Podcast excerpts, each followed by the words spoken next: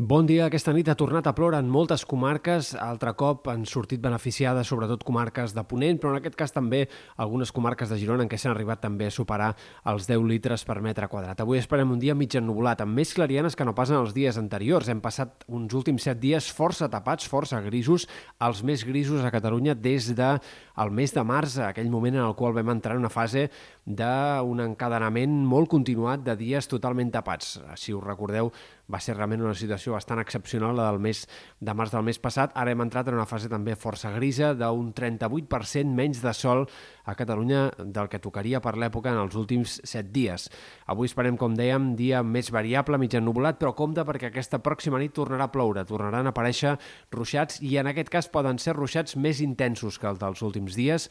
Passaran ràpid, però poden deixar fins i tot alguna tempesta descarregaran especialment en punts del Pirineu i Prepirineu Occidental, però també hi haurà ruixats destacables sobre el mar que poden acabar fregant alguns punts de la costa, sobretot la costa central o sectors de la Costa Brava. Això passaria avançada la matinada o de cara a les primeres hores d'aquest dijous. Per tant, compte perquè si sortiu de de casa és possible que aquest dijous eh, doncs us pugui agafar algun xàfec curt però intens en aquestes comarques, sobretot de la meitat est. També hi haurà alguns xàfecs de matinada i primeres hores a les Balears aquest dijous. Bona part del dia, però, tornarà a ser variable, mig amb clarianes, amb alguns intervals de núvols més espessos en tot cas cap al Pirineu, i a poc a poc s'anirà pagant aquesta possibilitat de pluges. Divendres encara seguirà el temps insegur en comarques de Girona i de Barcelona. A la tarda, sobretot, es podrien escapar alguns xàfecs puntuals en comarques interiors de Girona, el Vallès, el Maresme, però cada cop seran fenòmens més aïllats i més puntuals i al cap de setmana, com més avanci, més sol farà, tot i que les boires aniran guanyant protagonisme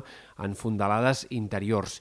Entrarem, de fet, a partir del cap de setmana en un període estable que pot durar bastants dies, com a mínim tota la primera part de la setmana que ve. I, per tant, s'acabarà aquesta situació de canvis constants de temps eh, que hem anat tenint en aquestes últimes jornades.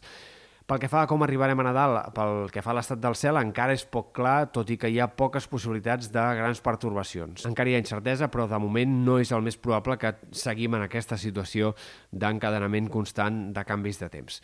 I pel que fa a les temperatures, hem tingut una matinada molt suau, amb 6 graus més dels que tocaria de mitjana a Catalunya, una anomalia molt marcada. Aquest migdia també serà confortable, amb màximes per sobre dels 15 graus en molts indrets.